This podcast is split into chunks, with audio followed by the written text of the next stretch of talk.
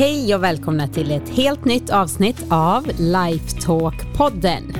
Med mig Karin Haglund, kost och hälsocoach och min man Anders Haglund, transformativ mental coach. I den här podden får du svara på frågor inom personlig utveckling och mental hälsa. Hur du lever ett bättre liv helt enkelt, inifrån och ut och blir den bästa versionen av dig själv.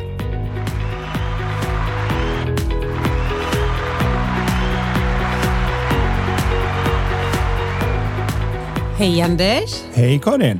Hur mår du idag? Jo tack, det är varmt och härligt. Varmt och härligt men lite svalkande med en eh, kall smoothie som vi precis slurpade i oss här innan. Ja, det var väldigt gott. Tack för det. Varsågod. Det var massa persilja i. Mm. Och fryst banan, fryst ananas, avokado, zucchini, äpple. Väldigt läskande hur som helst. Det är bra när, man, när det är sådär varmt ute att dricka lite kallt. Ja, skönt. Men nu sitter vi här igen och förhoppningsvis är det någon där ute i etern som kanske sitter i sin eh, sommarbölja och lyssnar under en smäktande bris och vill ha någon form av hjälp eller insikt eller tankar och idéer. Inspiration och... Mm. Mm. Så det hoppas vi att vi kan tillföra till er idag. Ja, och det gör vi genom att vi svarar på era frågor som ni har skickat in till Karin. Fast Och det är som faktiskt jag då- inte så idag, ser du. Nähä, Nähä? För idag har jag ändrat spelreglerna lite. Nej, jag skojar bara. Jag har faktiskt en fråga till dig. Alltså jag har skrivit en fråga. Så är du ju- har skrivit en fråga. Ja, Mm. jag tänkte det kan man väl få göra Ja, när man det är bestämmer klart man får. över podden. du det är du som själva. bestämmer frågorna och jag vet ingenting så att, eh, vi på det. Eh, så här då. Detta är faktiskt en fråga från mig, Anders. Jag önskar att vi diskuterade lite mer kring AI och ChatGPT. Vi gör ju det en hel del du och jag här hemma, men jag vill gärna att vi ska dela våra tankar och dina erfarenheter kring detta här i podden. Så, Anders, vad är fördelarna du tror vi kan ta del av i den här nya tiden med AI som en del av vår planet och vad ser du är riskerna? Hur ska gemene man ställa sig till detta och hur kan man tänka kring detta? Detta då var en fråga från mig, Karin, till dig, Anders. Ja du. Det här är ju någonting som många just nu både har farhågor om och har väldigt stora förhoppningar för.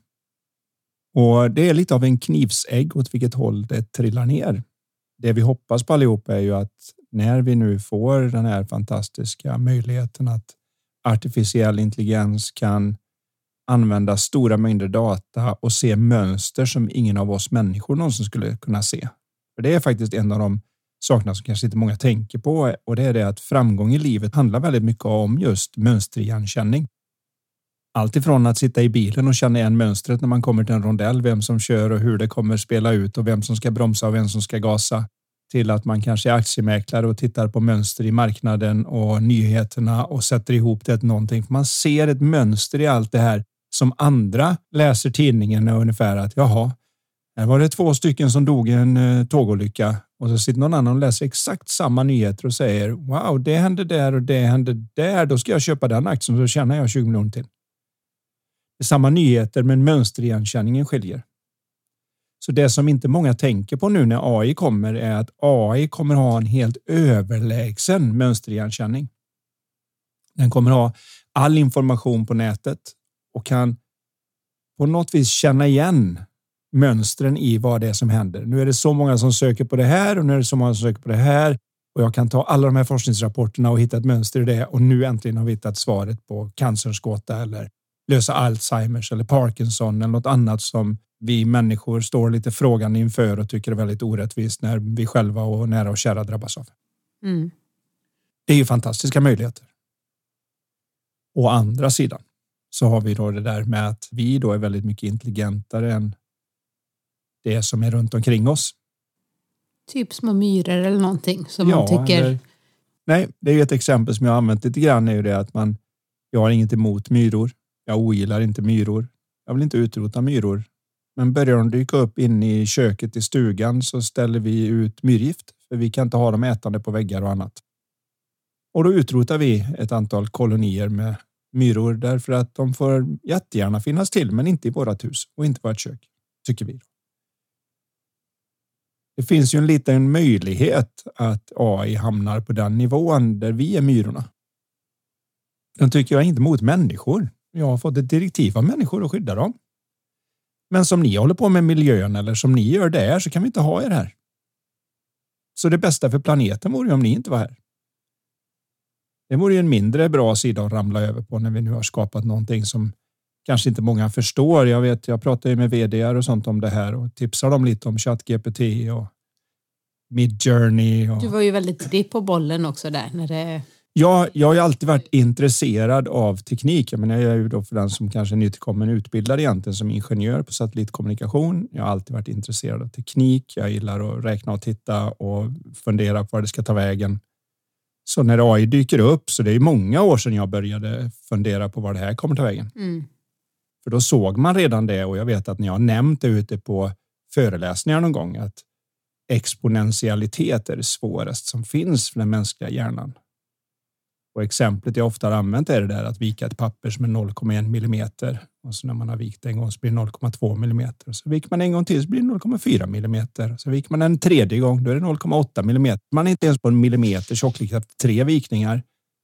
Och ändå så är det så att man kommer 10 000 mil förbi månen på 42 vikningar. Och på den 43 vikningen är man tillbaka. så är man tillbaka tur och retur och på den 51 vikningen så är vi 15 miljoner mil bort och fram vid solen.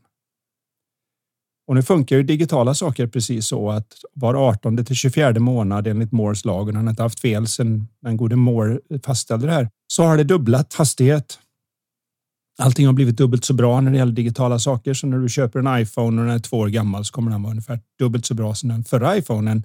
Eller dubbelt så snabb. Du kanske inte märker det för du kan inte utnyttja kapaciteten och så, men de facto så har mm. den blivit så pass mycket. På tv-apparater så ser man ju tydligt. Först var de liksom jättestora och de här alltså, ja. breda bakåt, alltså verkligen klumpiga. Sen ja. är de helt plötsligt bara mer slimmade, slimmade, slimmade, slimmade. Nu är det ju som ett, en del har som en, en tavla bara, en helt platt på väggen. En och en halv centimeter tjock tavla på väggen som klarar av att ha bättre bild än någonting vi hade innan och det beror ju på att transistorer då blir mindre och mindre och mindre. Och dessutom ofta går de ner i pris. Alltså för att de blir bättre och billigare. Så därför ska man ju aldrig kanske vara först på att köpa. Nej, du lärt mig. Ja, nej, när man allra först så prylarna. får man betala mycket för en ganska dåligt. Du kan jämföra det med den första mobiltelefonen. Jag kommer ihåg några coola snubbar ute på golfklubben som var först med att skaffa mobiltelefon och klev ur sin Porsche eller vad de hade ute på golfklubben och så kom de då med den här grejen som vägde 14 kilo att bära med en telefonlur ungefär. Jag kan ringa till vem som helst när, fast jag är här ute på ranchen och man tänkte wow. Men den där var ju hur dyr som helst och ganska klumpig och ganska dålig. Och nu sen springer det, barnen. Ja, nu springer barn omkring. Varenda människa. Du ser folk som sitter i stort sett och tigger utanför affärer, men de har fortfarande en smartphone. Det, har, det händer någonting med, med pris och med hastighet och hur bra den är. Jag såg någon som räknade på det att en helt vanlig iPhone idag eller ta en Samsung Galaxy eller vad det nu än är. Är någon miljon gånger kraftfullare än den dator som satte oss på månen 1969. Det säger ju en del. Mm. Och, och den går vi omkring med i fickan. Precis, och så ger vi det till våra barn, våra tioåringar säger vi, och tror att de ska kunna hantera ett sånt kraftfullt verktyg. Eh, verktyg. Ja. Och om vi nu tror då att det där har gjort skillnad, för i och med att vi fick de här enorma möjligheterna så har vi då utvecklat sociala media. Sociala media gjorde att ganska mycket så har vi blivit polariserade för vi blir styrda in på det vi själva gillar. Så att har du börjat titta på nyheter från höger eller börjat titta på nyheter från vänster så är det sen alla nyheter du får. Mm. Så du kommer aldrig få reda på något annat än det du själv tycker och därför tycker du att alla andra som inte tycker som du måste vara helt dumma i huvudet. För det jag tittar på så är det självklart att det är så här.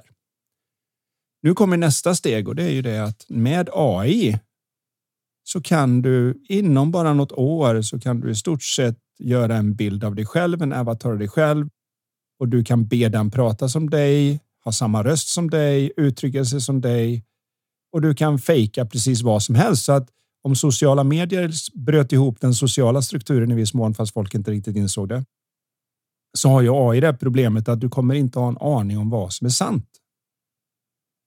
För när det är väl ute en grej om Putin eller Joe Biden eller alltså, kanske lättare att säga presidenten i USA i de här stora länderna. När du väl har skickat ut en grej med att de säger något väldigt tokigt eller ramlar och beter sig och ser dementa ut eller är fulla eller är med andra människor än sina egna fruar och allt vad du kan. Du kan göra precis vad du vill med AI. Då är skadan redan gjord för x antal människor kommer säga, men jag såg det. Alltså det här, normalt så säger man, det tror jag när jag ser det. Precis. Det är, ett uttryck man har. Säg vad du, ja men det tror jag när jag ser det. det någon säger att jag har klarat av det här tricket nu, eh, om vi har våran son mm. som håller på med skateboard. Om han kommer in och säger jag har gjort det här supertricket som bara världsmästaren kan. Ja, det tror jag ju på när jag ser det. Och så, så visar ändå en sin avatar göra det med sina kläder, alltså exakt samma och med sin, sin röst. Och hur ska man kunna, alltså den blir ju jätte, jättesvår. Jag brukar uttrycka det så här att vi kan faktiskt beskriva hela den mänskliga historien i en enda enkel mening. Och det är möjligheter blandat med svårigheter. Så har hela den mänskliga historien sett ut. Varje ögonblick är möjligheter blandat med svårigheter. Och ibland så ser vi svårigheter i möjligheterna och när vi är på ett lite bättre ställe då ser vi möjligheter i svårigheterna. Mm. Det är lite hur det är att vara människa. Det här tar det i kubik. Det gör det alltså exponentiellt. Inte linjärt längre, de här svårigheterna och möjligheterna. Fram tills nu så har det åtminstone gått i en hygglig takt, men vi ligger exponentiellt även innan när vi började med transistorer och annat och förminskade dem. Men AI kan göra att det går så mycket fortare så att jag kommer ihåg första gången jag började höra talas för några år sedan om, om ChatGPT och vad det var för något och vad det skulle kunna bli. Och jag vet när Elon Musk gick in och startade upp det hela och stoppade in lite pengar. Och så, det här kan ju vara kul ungefär att se var det landar. Och man börjar läsa om det här och man insåg att oj, oj, oj, det här hoppas jag de har bra koll på för den här, det här kan ju springa iväg om, mm. om när det väl... När det börjar dubblera sig så. Ja, och så ser man nu då att innan så var det 18 till 24 månader innan det dubblerade sig och man vek pappret ännu en gång. Men nu är det nästan så att det händer på några månader för att när de väl var på ChatGPT 3, ja då kunde de använda ChatGPT 3 för att göra koden till ChatGPT 4 så att den så att säga utvecklade sig själv. Mm. Och då kom ChatGPT 4 och var dubbelt så snabb och dubbelt så bra och funkade mycket bättre. Men nu hade det inte gått två år längre. Nu hade det gått två månader. Vi viker pappret mycket snabbare. Och ChatGPT 4 kan naturligtvis användas nu för att göra ChatGPT 5 ännu bättre. Jag såg eh, någon story där bara för några veckor sedan om att de här utvecklarna själva blev väldigt förvånade över att ChatGPT plötsligt hade lärt sig persiska och ingen vet hur det gick till. Kunde persiska flytande, översätta från alla språk till persiska och från persiska till alla andra språk. Och ingen hade lärt den det. De visste. Och det var antagligen då för att de märkte att de fick in frågor. Någon hade ju ställt frågor för jag kommer ihåg första gången jag fick tillgång till eh, någon betaversion och jag skrev in mig som en av de första tror jag på den här att jag vill gärna få chansen att använda det här. Då kunde man ställa enkla frågor som vad är 16 plus 5? Och så kunde jag säga 37. Man tänkte, va? Det kunde min dåliga miniräknare från Texas Instruments eh, göra väldigt mer avancerade grejer. Så vad är det här? Men så var det någon som gick in och bara lärde den matte genom att säga Peter har fem äpplen och så får Lisa tre äpplen. Hur många äpplen är det kvar? Ja, det är två. Ja, Okej, okay. det är samma som tre minus två. Så man var tvungen att lära den som en bebis för många tror att den liksom bara kopierar och klistrar in från internet. Att den bara hämtar ja, som information. Som en miniräknare egentligen. Ja, som en miniräknare. De tror att det är en sökmotor på steroider. Men det är inte det. Den tänker själv. Mm. Men eftersom den inte har något medvetande och, och kommunicerar. just att den kan göra per sekund. Jag vet inte hur många, men alltså vi pratar ju typ miljarder. Det går inte ens att tänka hur mycket den hinner tänka på en sekund. Nej, om du tänker mänsklig evolution har ju varit över generationer. Vi får kämpa ganska mycket. Pratar vi om organ och annat hur de ska utvecklas så är det ju tiotusentals, hundratusentals och miljoner år innan mm. någonting egentligen ändrar på sig när det gäller våran kultur går det lite fortare för då kan när vi börjar kunna skriva ner våra historier och lämna över till nästa generation så de fick fortgå. Då börjar, då börjar det gå exponentiellt snabbt med våran utveckling. Innan vi bara fick hitta på runt lägerelden så blev det ju massa konstig information och någon hittar på något och, och så blir det svårt. Då blir det mycket fake news så att säga. Men när man väl fick tag på det här, då sticker det naturligtvis iväg på ett sätt men det tog fortfarande generationer att komma igång Man säger så med. här, vi har ju inte anpassat oss än till att sitta så mycket som vi gör idag. Alltså vanliga människor sitter alldeles för mycket på sina rumpor på stolar som vi inte egentligen skapta att sitta på. Och vi är ju inte skapta, alltså vi har inte evolutionsmässigt ändrat oss att vi är så mycket inomhus som vi är. Vi är gjorda att vara utomhus. Vi har inte ändrat oss Så vi- eh, så mycket så att vi egentligen klarar av att andas luften där alla små gummipartiklar från alla däck Verkligen och inte. utsläpp och alltihopa. Det är ju sånt som inte vi riktigt är gjorda för. Vi har inte hunnit anpassa oss till det. Det är många som tänker på det. Åh, vad jag skulle vilja hamna i en tidsmaskin och åka tillbaka och titta på en T-rex. Ja, men det kan du inte, för du kan inte andas luften då. Den innehåller inte tillräckligt med syre för dig. Det fanns inte till med växter. Det hade inte börjat än. Mhm. När du backar 65-100 miljoner år, om en människa åkte dit så skulle du, du skulle kola inom några minuter för du kan inte andas luften Men man ens. hade säkert kunnat eh, backa 3000 år. Ja, och men du kan backa två miljoner Eller- år. Ja, ja. Ja, Okej, så det är inte så. nej, det men här det- är långsamma ja. processer. Eh, Det är ju det som många missar. Det är det, det som gör det så svårt att tänka både exponentiellt och tidsmässigt. För tänker man ja, ja, ja och så tänker man fortfarande att ja, men i framtiden då, då kanske. Nej, nej, vi pratar år nu här, de närmsta åren som blir väldigt avgörande. Och jag, tycker, jag kan tycka att det är sorgligt Anders, för att när jag ser typ dig och mig bli gamla, som jag egentligen inte vill, eh, kan någon fixa det så tack. det är en Eh, sak men- som de hoppas med AI, att man ska hitta någonting Ja. med generna. faktiskt. Men vi säger att man tänker som det har varit så har man blivit gammal och förhoppningsvis kan man då sen dö gammal i, i sömnen utan att man dör frisk så att säga av bara ren ålder. Mm. Det är ju ändå lite så här om man nu ska. Det är ju drömscenariot på något vis. Somna in nöjd med det. livet och inte vakna. Och så tänker man, ja, och så kanske barnbarn och det här vanliga. Som barn, alltså, när man tänker framåt i tiden så tänk, kopierar vi lite det som har varit tidigare. Och nu så kan jag tycka att det är lite sorgligt för att vi kommer inte leva som pensionärer idag lev, när vi blir pensionärer. Det kommer vara helt annorlunda samhälle. Och det, det känns så himla konstigt.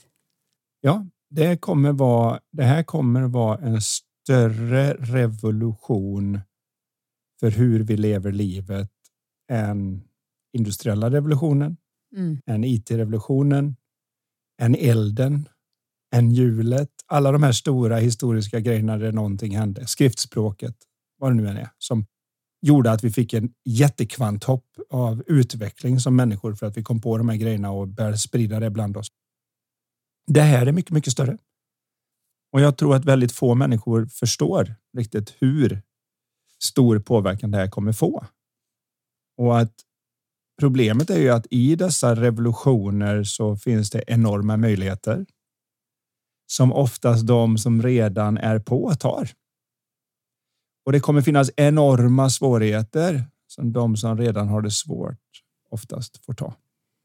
Så klyftan kommer öka Klyftan ökar på ett sätt som aldrig är bra. För varje gång vi får en stor klyfta i samhället så blir det inbördeskrig. Det kan vi se genom hela historien. När fransmännen ansåg att där sitter, där sitter de nu, eh, Marie Antoinette och kungen och de har det så himla bra och vi dör av svält här ute. De delar inte med sig tillräckligt. Ja, då plötsligt så blir det revolution och så choppar man av huvudena på folk och så blir det något helt annat. I USA var det samma sak man, mellan slavägare och Storbritannien och allt vad det nu var. Så blev det liksom det, det är för stora skillnader, stora klyftor mellan de som har och de som inte har. Jag tror att de som har missar det för man, man ser inte värdet av att jämna ut det lite mer. När man har personer som Bezos och Bill Gates och några till som i stort sett personligen har mer pengar än hela länders BNP. De i stort sett kan gå och köpa länder. Och så har du andra som ligger på gatan och får liksom be om allmosor för att kunna ha mat till sina barn.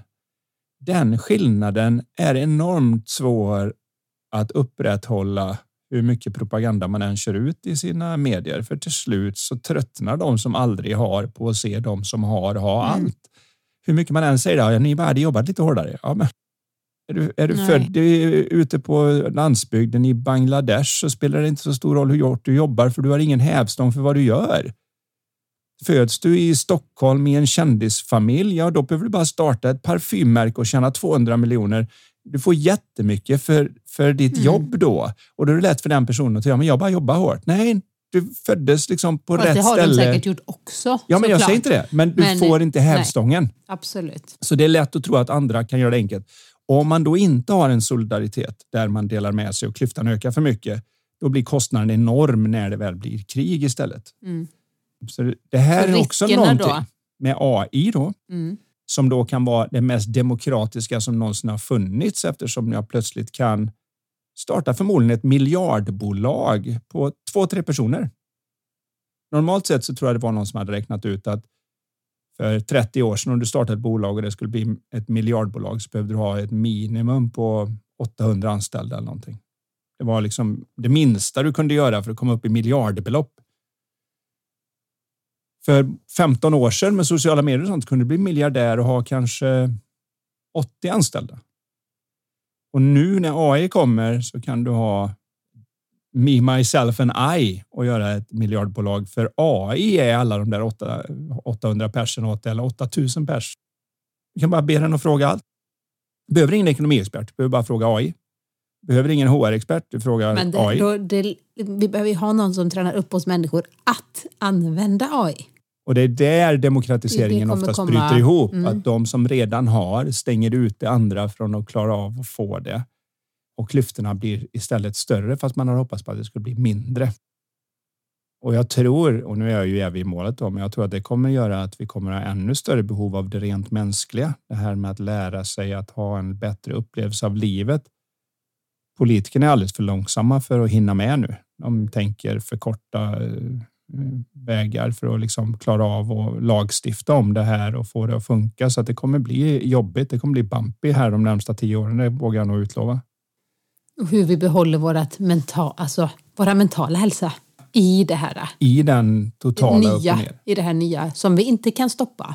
Tyvärr, ja. hur mycket vi än försöker nu. De har ju gått ihop och försökt hur många var de? 80 eller någon? Det var ju 80-90 av de största tänkarna, bland annat den svenske Max Tegmark. Det var Elon Musk. Det var ett antal andra som hade liksom förstått vad det här var. Så och vi skrivit måste under att vi måste i alla fall pausa. stoppa, pausa i sex månader. Tills vi vet. Men det, det, det liksom... förstod ju alla ganska snabbt att ja, men då finns det ju andra sämre aktörer som kommer utveckla det här i Ryssland eller i Kina eller säm, jag vet inte, sämre är ju för att vi är på denna sidan. Man ska ju veta det att den ena sidans frihetskämpe är den andra sidans terrorist.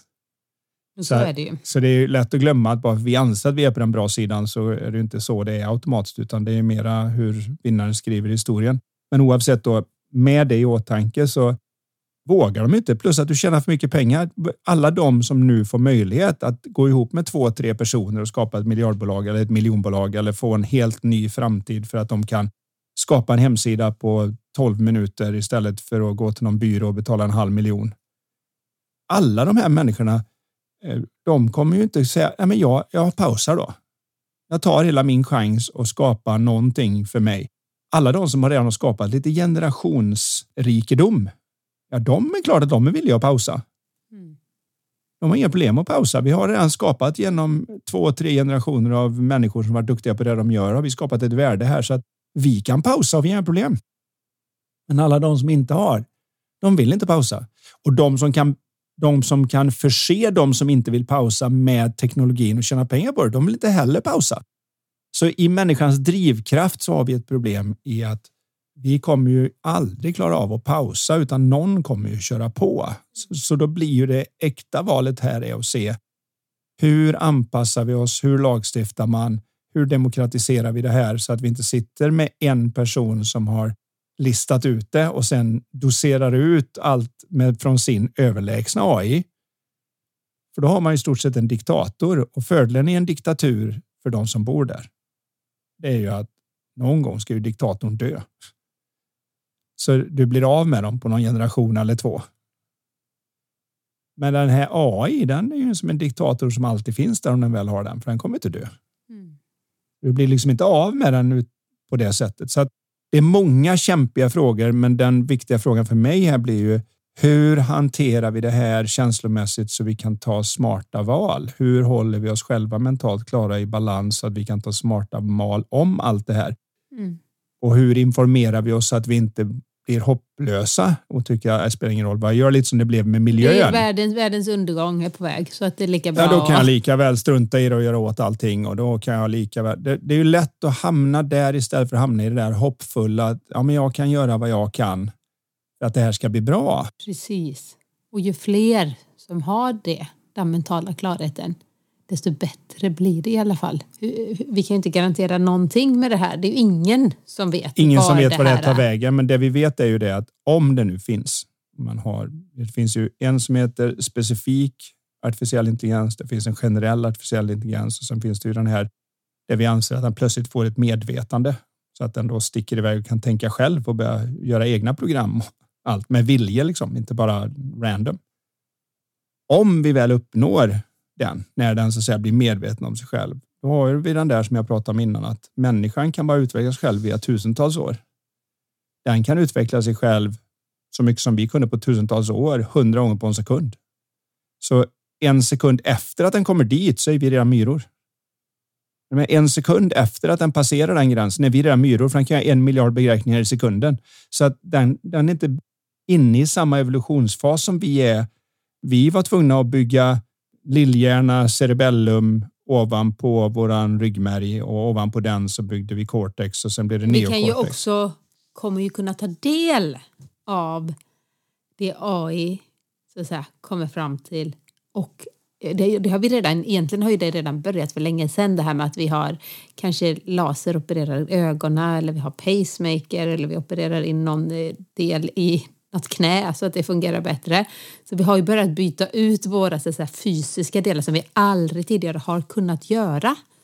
Och du behöver inte ens byta ut dem. Tänk bara på hur många som just idag är i stort sett fastlimmade med sin telefon. Det är ju en argumenterad verklighet att när som helst kan jag få reda på sånt som om någon, du vet, du säger så här, när eh, föddes Mohammed? Och så, ja, just det. Vem vet det? Alltså får man fråga sig runt på ett party. Nu tar du upp telefonen och säger ja, 570 mecka. Boom. Två sekunder. Hur, hur gör man egentligen en, en kärnvapenbomb? Vem vet det? Eh, ja, om tre sekunder. Vänta lite. Skolan gick ut på att du skulle lära dig en massa så du kunde spotta ur det här. Och var det någon som kunde alla de här svaren utan någon hjälp så var man liksom, jösses vilken smartskalle. Medan nu, vad är det värt? Du behöver bara ta upp telefonen och så kan man säga ja, det kan jag göra.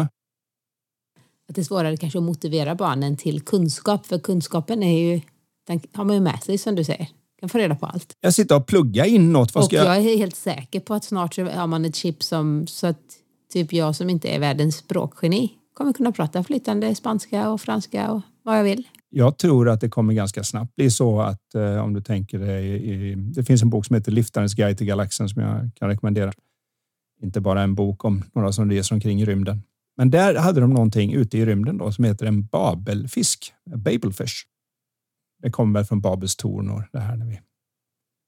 Men då stoppar man den i örat när, man väl, när den omkring i örat som en liten parasit, då var det så att vem, vilket språk någon än pratade med dig så förstod du det. Och, och när du pratade ditt språk ut så kom det ut som det språket. Mm. Jag har redan sett reklam för de som har någon app i telefonen där de går i Japan eller något. Så, Where can I find det? Och så kommer det på japanska rakt ut och så svarar de på japanska och skrattar japanerna och så gör man reklam för den här borde du ha. Ja, det är en app i telefonen, men den kommer ju ganska snart som du säger. Den kommer vara som en babelfisk som bara sitter i örat på dig och sen spelar det ingen roll vad folk säger så får du det direkt översatt. Ja, Okej, okay, då var det ju plötsligt. Innan har man ju sagt att för varje språk du lär dig utöver de två första så kan du i stort sett dubbla din inkomst. Så, okay. Nej, men nu kommer det bli hur många har du råd med att installera i den ena? Det blir klyftan blir större och större. För vissa har råd att ta alla världens eh, språk och en del har inte råd att uppdatera så de kan fortfarande sitt one and only språk. Ja. Det är klart att den klyftan blir jättestor då. Eller du kan förmodligen utöka din minneskapacitet nu, eller tankefart. Men det, nu det, måste vi lyfta, säg något positivt också. Ja. eller ja, det är ju i och för sig positivt. Ja, men, men hela den här är just som allt oh. annat. Det här är som kärnkraft.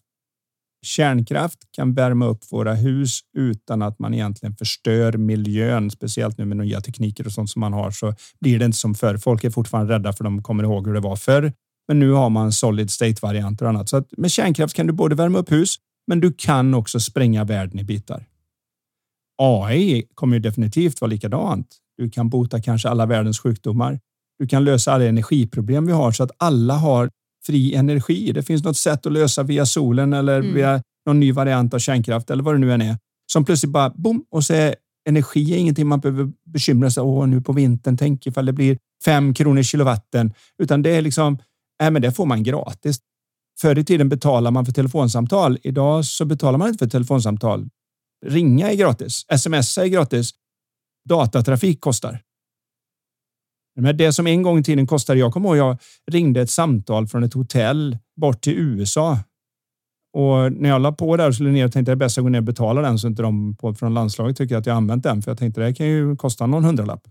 Och jag kommer ner och får reda på att det är 7000 spänn. 7000? Ja. Hur länge pratar du då? Nej, jag pratar kanske en halvtimme. Ja, det... Halvtimme någonting, alltså ett overseas call. Från ett, jag kommer fortfarande ihåg, det var Royal Viking i Stockholm jag bodde på då. Och eh, ringde över till USA där jag eh, bodde när jag inte var hemma och skulle spela VM. Och tror liksom att Ja, men det, kan inte, det är klart det är dyrt, men någon hundralapp. Då, hundra då var ju kanske som fem, sex, sju tusen. Nu, alltså, ja, du, du tänkte ändå stort då? Ja, jag tänkte ändå att det var ganska dyrt. Men eh, det var bra mycket mer än det. Så jag fick i stort sett baila mig ut från, från min telefonnota. Idag är det gratis. Mm. Du, du sätter dig på nätet och sen så zoomar du eller teamsar du med bild och pratar med någon på andra sidan jorden och det kostar exakt noll kronor. Så det här, det här är ju bara, det här är bara toppen på det lilla isberget vad som kommer hända nu med AI. Men hur ska vi ställa oss till detta? Vad ska vi göra? Hur ska vi förbereda oss? Vad, kortfattat, vad säger du? Det första är att förstå att det här inte är något som går över. Det hjälper inte att stoppa huvudet i sanden som en struts. Det här är någonting som kommer påverka oss alla. Och ju mer du kan läsa på och förstå och inte känna det som att ja, men det är bara de där smarta nissarna som fattar någonting. Det här är någonting som kommer påverka varenda arbetsplats. Försöka hänga med lite. Varje liten bit du har förstått hur det här funkar kommer att hjälpa dig i framtiden. Det här kommer att vara jag kommer ihåg att pappa hade fått en helt ny bil. Jag tror två månader senare visste han ju fortfarande inte hur man satte på vindrutetorkaren när det var en ny bil. Man orkar inte läsa massa information. Det är en helt annan fart. Idag så kom, får man iPhone, det kommer inte ens en instruktionsmanual. För gör vad du tror och förstår du inget så slå upp det på nätet. Och har ju det i telefonen. Det här kommer ju explodera också. Jag kommer ihåg när vi, när vi fick en lånebil, vi har en Tesla och så skulle vi ha en Tesla 3 tror jag, som var lite mm. nyare, alltså en lånebil. Och jag sätter mig där och vad var det jag inte visste hur, vindrutetorkarna tror jag. Alltså det finns, fanns inget logiskt sätt att få reda på hur får jag igång dem. För det gjorde man på skärmen. Nej, du gjorde inte det på skärmen faktiskt, utan det var någon sån där uh, command, alltså du var tvungen att klick, klick, klick på två olika samtidigt. Så ah, då gick okay. det igång, men du kunde liksom inte logiskt lista ut det. Men då går man ju bara in, gå ut på nätet, how to use, alltså, och så googlar man det och så fick du reda på det på ja, max en minut. Och sen bara, åh gud vad smidigt. Så här, men, men, när man visste det, men när man inte visste det så var det väldigt ja. frustrerande. Och så här kommer det vara med AI också, därför behöver man lära sig så mycket man kan. Och det är så här det kommer bli när vi är pensionärer. Herregud vad det kommer bli tufft Anders. Våra barn förhoppningsvis kan lära. Jag tyckte i viss mån redan min generation att man fick bli sina föräldrars föräldrar. Mm. För det var lite sådär som ja, jag blir så frustrerad. Kan du, kan du ta kontakt med de här på internet? Jag vet inte, orkar inte. Kan du slå in det här på men telefonen? Din mamma, när hon kommer den här kameran liksom. Ja. Hur, hur, var det nu? Jag, kan du bläddra här? Hur visar jag liksom? Hur visar jag bilderna? Hur visar jag bilderna nu igen? Ja. Alltså sådär. Så fick man... Och då tänkte man ju det, oj, oj, så det vill inte jag bli. Men det kommer bli mycket värre för oss. Mycket värre. Det är därför jag säger att ja, kan vi få vara den här gamla? ja, det kommer inte hända Nej, tyvärr. Inte hända. Man behöver kunna så mycket man kan om detta och sätta sig in i det. Så att, alltså, jag vet inte hur mycket jag har hjälpt dig med min fråga här. Nej, vi har varit ute och var, susat lite. Jag hoppas att det har hjälpt många som Förstår lyssnar. För att jag tycker det här är jätteintressant och jätteskrämmande och jätteinspirerande och en salig blandning av allt. Ja, det är det. Det, är Faktiskt, det. det finns så, som jag sa då, hela den mänskliga historien fast i kvadrat just nu. Möjligheter blandat med svårigheter. Ja. Vi, vi, vi kör en ny fråga helt enkelt. Jag, blir helt, jag vet inte, ja, det surrar runt i huvudet när man tänker på det här. Ja. Eh, Hej, jag är nyfiken på hur ni ser på att flytta långt från sina föräldrar för att komma ur skuld och skam som jag dras med. Jag har jobbat mentalt med detta hela mitt liv känns det som. Jag har svårt med gränser och fastnat i depression och stillastående. tack för en härlig podd. Och detta är från Maria. Ja, Maria. Jag är inte riktigt säker på vilken form som skammen tar sig för att man då känner den när man är nära sina föräldrar och tänker att man kan komma ifrån den när man är ifrån dem. Vad jag vet efter att ha hållit på med det här som professionell coach över 25 år är att precis som den bästa platsen i världen inte är en plats utan det är ett sinnestillstånd. Så att när jag har mitt sinne utan osäkra tankar som är tagna på allvar så kan jag nästan vara vad som helst och tycka det är härligt. Och när mitt sinne fylls av osäkra tankar och i osäkra tankar så lägger jag in ångest, skam, alla de andra. För oftast handlar det om någon form av osäkerhet, att man inte duger som man är, att det inte funkar som man är och så vidare. Ja, då spelar det heller ingen roll vart jag, vart jag åker, för det kommer vara bedrövligt. Så den viktigaste biten med alla de här typerna av frågor är att vart du än åker så är du där. Oavsett vad föräldrarna har gjort, oavsett vad... Mm. Så. Därmed inte sagt att det inte kan hjälpa att ha en rent fysisk distans till någonting man märker att just nu klarar jag inte av det. Det kan vara i ett förhållande där som är jobbigt på något vis. Det kan vara säga, abusive som det heter. Mm. Och då kan du inte vara kvar där för det funkar inte. Du måste dra dig därifrån för att ens hitta spacen att få chans att fixa med tankarna. Plus att det finns anledningar till att även om jag fixar tankarna så kan jag inte vara där. Mm. Nu vet jag inte hur den här specifika situationen är. Jag vill ändå föreslå att när man känner skam och skuld över någonting i ett förhållande. Så om jag nu tar mig iväg till en annan plats för att komma undan den så måste jag förstå att då kan det snabbt bli en annan typ av skam och skuld, vilket är att man vek det upp över att dra iväg. Eller skam och skuld mot sig själv. Mot sig själv för att alla känslor jag har kommer från min egen tankevärld. Det finns ingenting som kommer emellan där. Det är så lätt att tro att ja, men jag känner så mycket skam för mina föräldrar. Ja, det kan man tro, men det finns alltid någon annan som upplever en liknande situation fast på ett helt annat sätt. Så den viktiga frågan här blir skulle alla människor i hela världen om de ställdes i den här situationen specifikt känna samma nivå av skam och skuld med samma typ av intensitet och i samma duration som det heter, alltså hur länge man har det. Och är svaret på den frågan, vilket det är, att nej, det skulle de inte. En del skulle känna starkare, en del skulle känna mindre, en del skulle inte känna något alls. Och en del fastnar som Maria skriver här i depression och en del eh, går ut och absolut inte deprimerade. Eftersom vi vet att den dispariteten som man så fint säger, alltså att när man vet att den skillnaden finns så blir det intressant att se vad är det som gör den skillnaden då? Och då hamnar du ganska snart tillbaka i tanke.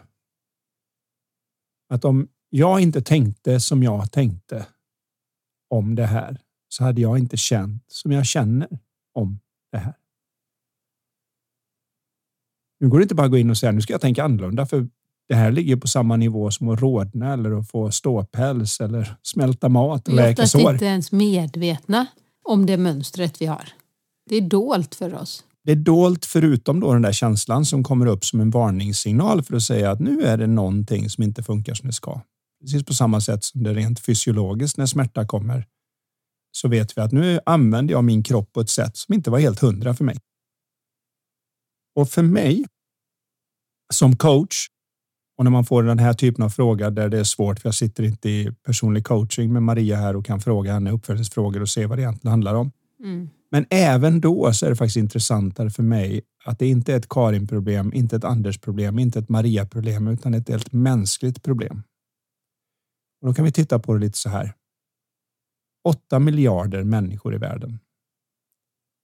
Kan man rent fysiologiskt säga att det finns vissa saker som är bra för oss? För allihop? Ja, jag skulle tro att komma ut och röra på oss tillräckligt för att flåsa lite i andhämtningen en 30 minuter varje dag. Minst. Ja, men, mm. men, jag, men, ja, men det skulle vara bra. Ingen, ingen som gör det kommer någon läkare säga det var synd att du gjorde det, för det blir dåligt. Men det kommer inte vara så. Man får bara hitta olika sätt att få upp flåset på. Jo, jo. För har man eh, något knäproblem, men då kanske man Ja, ska klart. simma får, eller får, cykla. får du upp flåset genom att ramla ut för en byggnad och liksom skrika på vägen ner, Ja, då är det nej, klart att då kommer du dö bra. istället. Så jag förstår att man kan vara absurd här och ta alla möjliga exempel. Men alla med lite vanligt bondförnuft förstår vad jag menar. Att kommer du ut på ett, ett skadefritt sätt och andhämtningen ökar 30 minuter per dag, gärna en timma, då är det bra för en. Om du kan någon gång i veckan träna på ett sätt så att du anstränger muskulaturen så den utmanas. Alltså med andra ord, du lyfter en grej 8, 10, 12 gånger Mm. och det är så pass jobbigt att du inte vill lyfta det en gång till. Så är det också bra för dig. Om du får i dig till med vätska för att hålla en bra vätskebalans. Du äter lite mera frukt och grönt istället för processade matvaror så äter du lite mer rent oavsett om du äter kött och ägg och vad det nu Mm. än är. Det vill alla bråka om, men om du äter någorlunda rena grejer och så, så är det väldigt sällan någon som kommer säga att en läkare säger vad synd att du gjorde det, för det var inget bra för dig. Du åt för nyttigt. Nej. Du åt för, för, för lite processad mat. Ja. Däremot om man då säger vad, vad äter du med skräpmat? Jaha, när du inte äter skräpmat då? Nej, men då blir det mest en... Man stannar till någonstans och så kanske man tar en sån här liten god proteinkaka med glu- glukossirap och fyller upp magen med. Vad dricker du? Nej, vatten dricker jag inte, men det blir väl några koppar eh, kaffe om dagen och någon eh, Red Bull. Hur mycket tränar du då? Tränar? Nej, jag sitter mest still. Då kommer varenda läkare i hela världen säga det där var inte bra för dig. Det finns ingen människa det är bra för. Det där kommer sänka varenda människa i hela världen. Det kan man vara ganska överens om. Mm.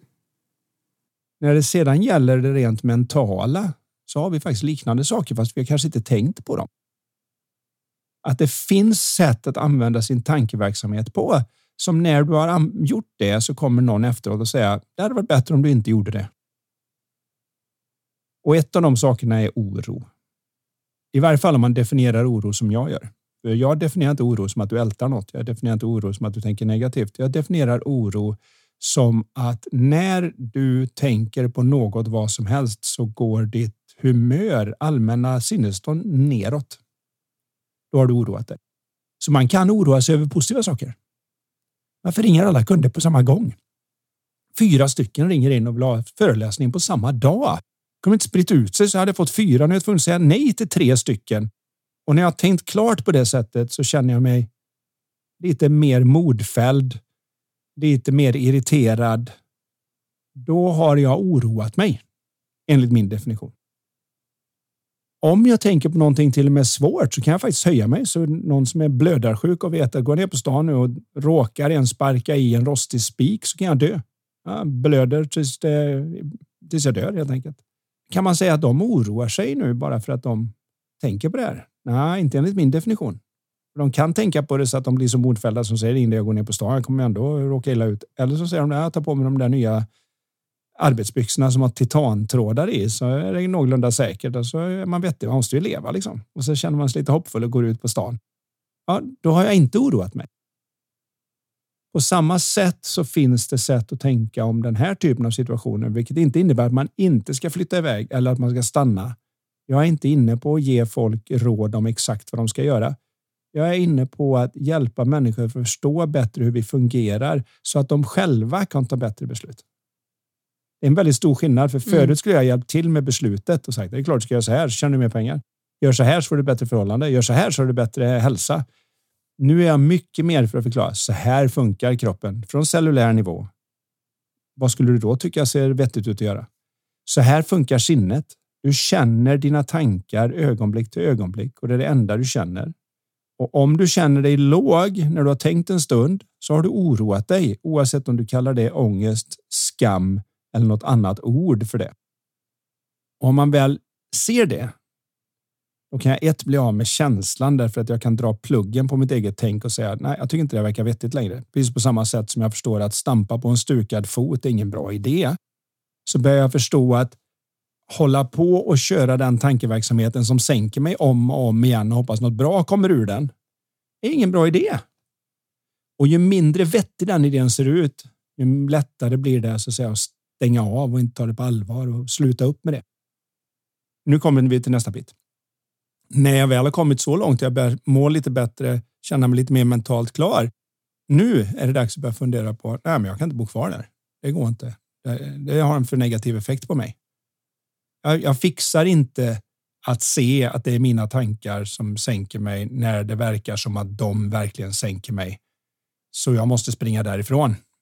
Okej, okay, så får jag lugna ner mig och se vad jag kan göra. Men jag måste ta beslutet utifrån mental utifrån klarhet. mental klarhet. För det här är en enkel regel som jag har, som gärna Maria också får ta med. Det finns inget problem du har som inte det som är bra med dig kan fixa.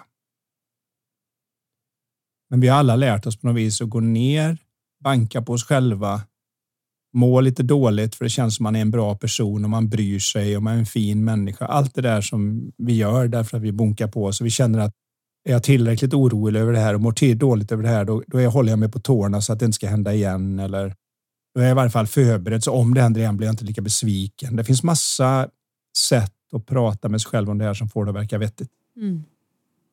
Men går man efter känslan så vet man att nej, nej, nej, nej, du oroar dig. Nej, men jag är inte en sån som oroar mig. Jag har lite skam. Nej, nej, nej, inte enligt min definition på oro. Det här kommer ju från insidan. Det här. Det kan fortfarande bli som så att hon kommer fram till att hon behöver flytta. Men eh, det viktigaste hon kan få med sig här nu är att hon connectar och tar det beslutet från mental klarhet. Ja, och alla har stunder av det, även om det kan kännas som att man har det dygnet om.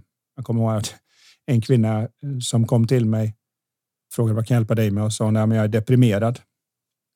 Och så frågade jag, jaha, hur vet du det? Liksom? nej, men jag är kliniskt diagnostiserad. Jag har varit deprimerad nu i sex år. Och jag tittade på henne och sa det att har du inte ens haft ett break för lunch? Och hon började skratta och sa det. Nej, men jag, jag är alltid deprimerad. Jag sa, nej, men det, jag kan sätta tusen spänn på att du inte ens kan hålla dig deprimerad i fem minuter medan vi pratar. Och då tittade hon på mig med det största leende jag någonsin sett och så glittrade det till i ögonen på henne för man riktigt såg att de pengarna är så gott som mina. Du fattar inte, jag är världsmästare i depression. Det där är ju money in the bank. Jag har ju redan vunnit det här badet. Och så när hon skrattade hon till lite och sa det, det är nästan lite konstigt att du skulle säga en sån sak. Varför det? Varför vill du förlora dina pengar? Jag är ju jättedeprimerad. Jag sa, men jag har inte förlorat några pengar. Du har redan vunnit vadet. Och hon liksom, vadå, det har du väl inte? Jo, det har redan glittrat till i dina ögon och du såg så nöjd ut när du insåg att wow, där fick jag en utmaning jag vinner hur lätt som helst. Då vi, du gjorde ju detta för att påvisa för henne att att hon inte var lika permanent som hon fick för sig. Att det faktiskt följer en tankeverksamhet om jag lyckades bryta det. Och det finns stunder där hon inte är det. Grejen är inte att vara perfekt och mentalt klar och vis i alla dimensioner 100 procent av tiden. Det handlar ingenting om att du ska vara där jämt. Det handlar om att kunna känna igen när jag är och lita på. Mm. Det här vet varenda barn som växer upp i beroendefamiljer och sånt. De vet det. Liksom. Nu är pappa drogpåverkad eller alkoholpåverkad. Då är han inte att lita på, så var någon annanstans nu. Det kommer inte sluta bra. Nu är pappa nykter och kan man hoppa upp i knät och leka med honom, då är han ganska hygglig och snäll. Till exempel. Mm det förhållande som många kan ha med en människa. De vet att nu är den safe, nu är den inte safe. Men det är få som har sett att det är samma med en själv. Jag, menar, jag är coach och lär ut det här. Jag går in och ut ur att vara safe. Alltså, är man tillräckligt irriterad, då slinker det ur saker ur munnen som man önskar att man aldrig hade sagt. Och det kan vara illsvårt senare ens när man är mentalt klar och be om ursäkt och förklara att man var ute och cyklade oavsett om det är med barn eller med dig eller om det är någon annanstans. Men vi har det allihop. Det viktiga är bara att kunna känna igen när den mentala klarheten dyker upp, för det känns ansträngningslöst att veta att det som dyker upp nu, det kan jag lita på. Mm. Och det som dyker upp när det känns där ansträngt, det ska jag ta med den största nypa salt jag har tillgänglig. Det här är liksom hemlisen till allt det här. Mm. Så det är inte att man behöver vara perfekt. Det räcker att ha fem minuter av klarhet så kan det dyka upp en idé som är värd hur mycket som helst. Det blir så tydligt då. Ja, alla har haft Och lite solklart. Ja. Det är lite sådär, men det är väl solklart. Ja, det är som att ha varit upprörd och liksom känna att jag har aldrig någonsin sett så klart hur de utnyttjar mig. Jag har nog aldrig sett hur dumma alla är mot mig. Och så lugnar man ner sig och så blir man så lite, nästan då lite skamsen över att kunde ja, jag göra så stor grej av det lilla? Nu känns det ju nästan fånigt och tala om varför jag är med. Och bara känna att det är inte, återigen, det är inte ett Maria-problem, det är inte ett Anders-problem, det är inte ett Karin-problem. Det här är ju det för alla åtta miljarder människor på planeten just nu. Och bara att veta det är lite hoppfullt och lite skönt. Verkligen. Vi avrundar med att ta en fråga till tycker jag. För jag tror att här behöver vi inte sväva ut så mycket på den här frågan. Och detta är från Sara. Och hon undrar hur vi gör för att ladda om och återhämta oss efter en hektisk period. Fråga nummer två, för ni tacksamhetsdagbok? Och tips på att känna mer tacksamhet inför livet alternativt börja skriva egen dagbok och varför det är viktigt att känna tacksamhet. Vad säger du Anders? Vi börjar med att säga vad gör vi för att ladda om och återhämta oss? Vad gör du? För mig är det bara att jag stänger av tankeverksamheten i viss mån. Jag vet när man kommer hem till ett hotellrum efter att ha gjort en föreläsning för tusen pers eller någonting och man är uppe i varv som rackaren. Mm. är det bara att man läser lite i en bok eller tittar i taket i stort sett. Bara låter det landa.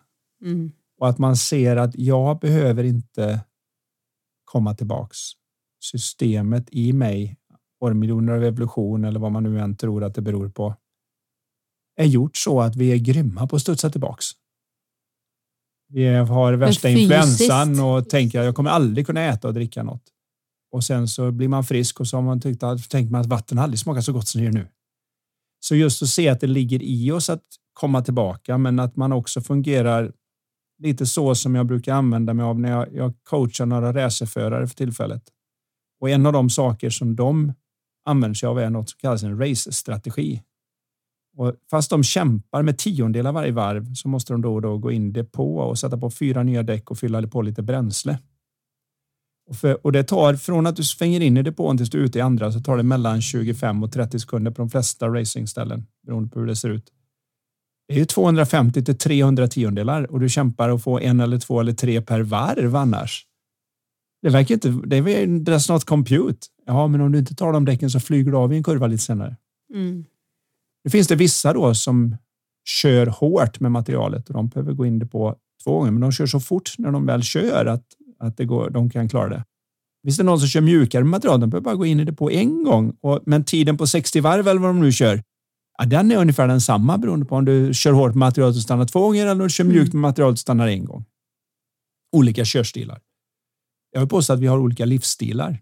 Så det är bra att veta om man är en enstoppare, tvåstoppare eller trestoppare. Men alla behöver gå i depå.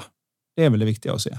Där kommer ju sömnen in och det är väl därför kanske det blir, ställer till det lite idag när så många har sömnproblem. För sömnen är ju liksom våran viktigaste skulle jag säga. Från dag till dag återhämtning. Där vi så att säga laddar och vi vet ju inte än exakt vad det är som händer när vi sover. Men sömnkvaliteten är väldigt avgörande. Och som du säger där att alltså det mentala att när man känner att det har varit en hektisk period så kanske man inte ska ligga då på hotellrummet och scrolla utan låta liksom så här, återhämta sinnet också. Det är enormt för, för mig... återhämtande, precis som du pratar om sömn, mm. att sömn är något av det viktigaste. Så är, för sinnet är uttråkning något av det viktigaste vad jag har märkt. Mm. Att tillåta sig själv att vara uttråkad. Det var väl senast, var det inte igår som Elodie, vår sexåring, gick runt sådär. Vi hade varit i stugan och kommit hem och skulle handla och allt det där. Jag är så uttråkad. Och du bara, men vad bra. Det är bra att vara uttråkad. Och hon bara kollar på dig. Va? Ja, hon tyckte jag var hur konstig som helst. Men det är ju det att när vi är uttråkade en stund så går hjärnan lite grann som på tomgång.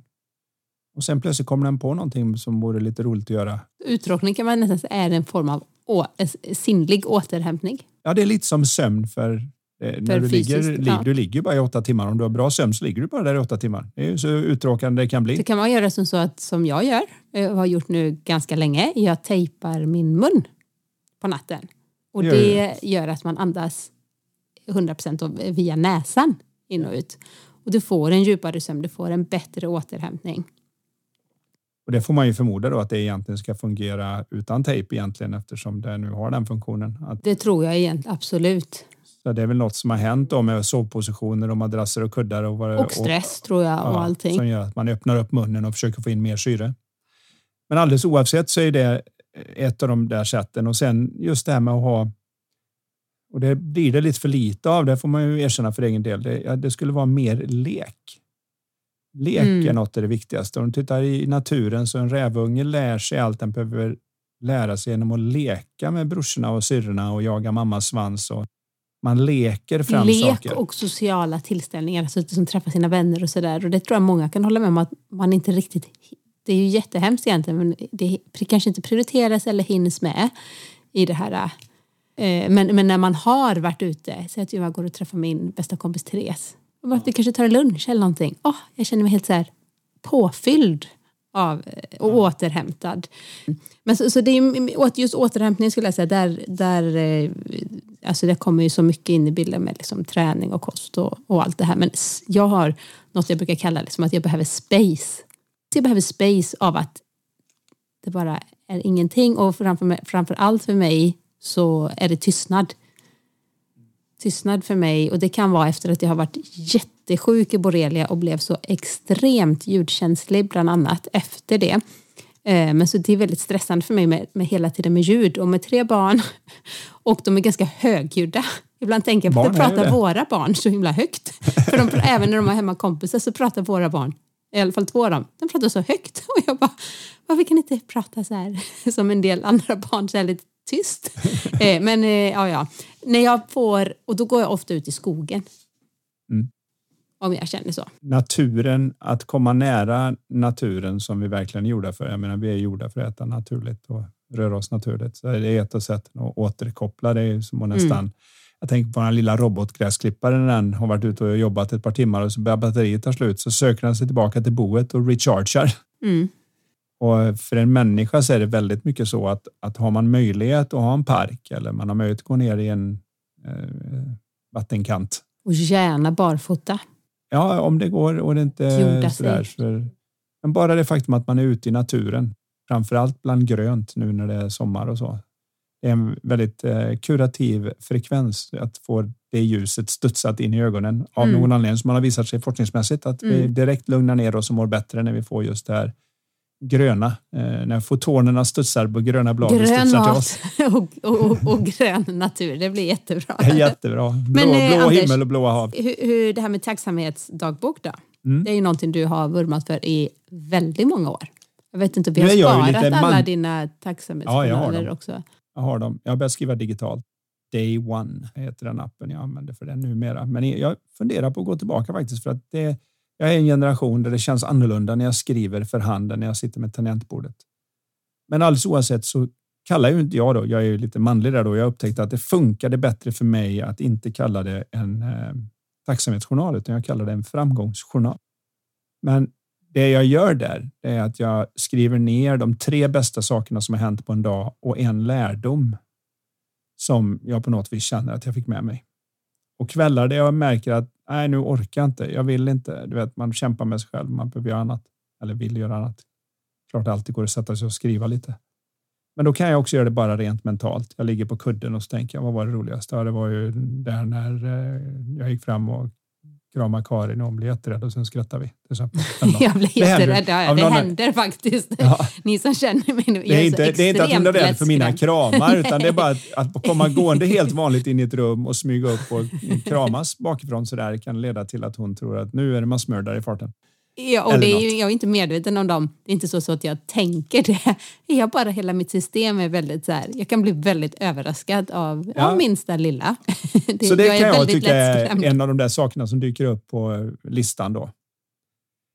Och sen så om ni inte kommer på någonting, för det kan vara svårare där med har jag lärt mig något? För det händer någonting nu och det här går inte att säga så kort som Karin skulle vilja just nu tror jag.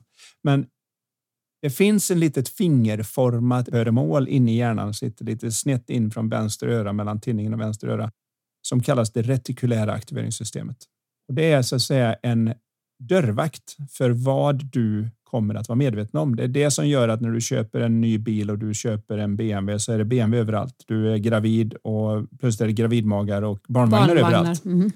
Det blir ju inte fler. Varför ser jag det plötsligt? Eller det är något annat du är intresserad av för tillfället. Någonting du, liksom, du är ute efter ett par skor till en fest och plötsligt dyker sådana skor upp på fötterna på alla.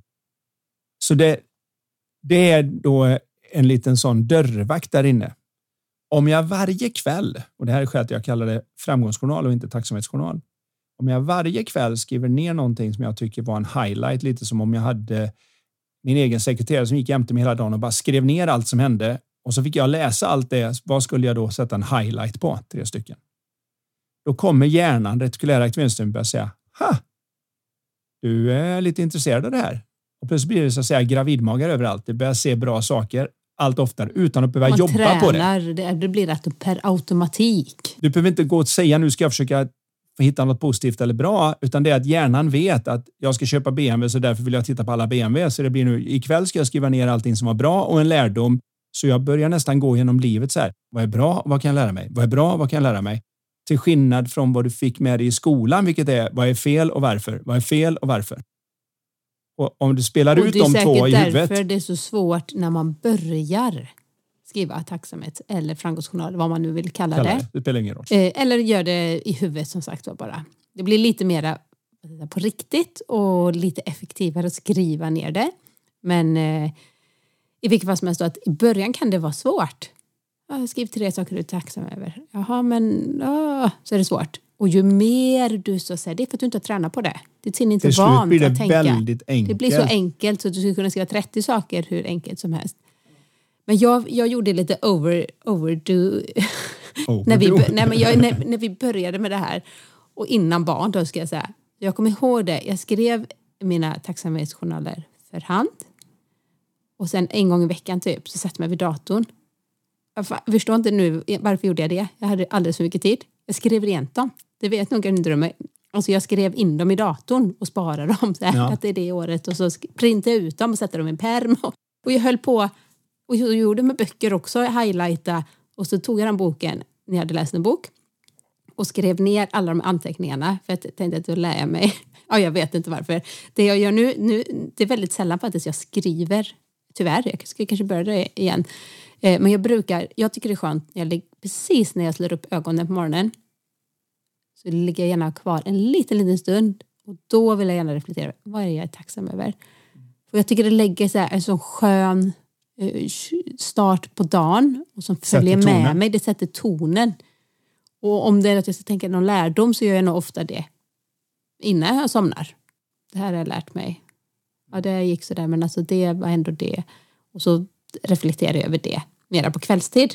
Men man får hitta sitt sätt. Det viktigaste är att titta i den här riktningen för det är fantastiskt spännande och kan göra jättestor skillnad. Jag gillar att göra det på kvällen just därför att det primar sömnen där allt det där mystiska händer i våra lärdomar också. Och sen vill jag innan vi går in på den här avsnittets live talk fråga också säga du behöver inte göra det så himla märkvärdigt. Tacksamhet kan vara så enkelt som att säga tack. Tack för att du lyssnar förresten. Mm. Tack, för att tack du pratar. för att du följer våran konversation. Ibland kan det vara så enkelt som enbart tack. Det blir lite större om man säger varför man tycker tack. Tack för att eh, du gjorde en kall härlig smoothie till mig innan poddavsnittet. Tack Anders för att du sitter här i bar överkropp så att jag har någonting väldigt trevligt att titta på. jag Det vill vi inte avslöja sen men om du, vi inte kör YouTube. naken, men du, du sitter med bar överkropp för att det är faktiskt ganska varmt här Det var inne. faktiskt så varmt och den skjorta jag hade på mig blev genomsvettig så jag tog av mig skjortan och Drack tänkte att nu är vi ute på Youtube och så fick jag en iskall smoothie av min av underbara fru. Men jag vill bara säga det att ibland är det så enkelt att missa ett enkelt tack. Ja. Jag hade en sån väldigt, väldigt enkel tackgrej. Jag skulle byta de nya sopkärlen som vi nu har fått allihopa tror jag. Där man ska göra I alla fall i våran stad. Jag Ja. tror inte det är någon sån över hela Sverige. Utan, Nej, det är det kanske Nej, inte. Men vi har fått de här nya ett och två och man ska ha egna. Så att nu behöver man inte gå till sopsortering utan man sopsorterar i dem. Och så skulle jag lämna ut några av de där som vi var ju väldigt mycket frukt och annat i, så den är lite kladdig. Och skulle jag ut och slänga den, men den stod åt det hållet. Jag fick lyfta fel och så hade jag med mig telefonen och så tappade jag telefonen ner där istället. Det är ganska djupt ner att försöka få tag i den först och främst. Så medan jag dyker ner i soporna för att försöka få tag i min telefon så är jag ju lite så att jag tänker attans, attans, attans. Och så får jag tag i den och så ser jag att i andra delen än där min telefon har ramlat. Där har det samlat sig sån här lite äcklig vätska som blir av det ett gammalt Ja, ja, ja, ruttet gojs. Jag vet inte om ni någon gång har sett det som kan vara i sopor. Och jag blev så tacksam över att min telefon inte låg på den sidan. Och det var en sån här enkel i vardagen mm. där det retikulära eh, systemet. Där jag det är så kände, tränat så att det kom lite per automatik. Ja, det kom lite per automatik. Jag var glad jag är att den inte ramlar i den änden. Det är jag tacksam för. Så det kan vara ett enkelt tack för vad telefonen ramlar ner. Men vad jag vet är att man kan mäta i systemet att när vi tänker lite tacksamma tankar så utlöser vi en massa hormoner och signalsubstanser som gör att hela vår upplevelse av livet är något bättre. Men det går inte att tvinga fram, men det går att titta i en bättre riktning och plötsligt så ser vi möjligheter i svårigheter istället för svårigheter i möjligheter. Och jag sitter med ett kort från vårt frågespel som vi alltid brukar avsluta varje poddavsnitt med. Och det är en fråga, det är faktiskt två frågor, en A och en B-fråga. A. Vilken egenskap eller beteende retar dig mest hos andra människor? Fundera lite på det. Och sen kommer vi till B. När har du själv visat denna egenskap eller beteende? Mm. Intressant, eller hur? Ja, det som irriterar oss mest brukar vi ha en liten eh, skärva av i oss själva som gnager. Och ibland ser vi inte det. Så vi tycker att andra borde skärpa till dolt, sig. Så nu vill vi förtydliga det för er. Ja. Och här är en häftig grej. Om man själv tittar istället för att tänka att det borde de ändra på för det är så irriterande hur de håller på och så tittar man in på sig själv och ändrar så är det så häftigt för alla interaktioner du har med andra människor så är du 50 procent av den interaktionen. Och om 50 procent ändrar sig så är det en big deal. Och med det sagt. Så tack, tack, tack Anders för idag och ja. tack igen ni som lyssnat. Tack allihopa.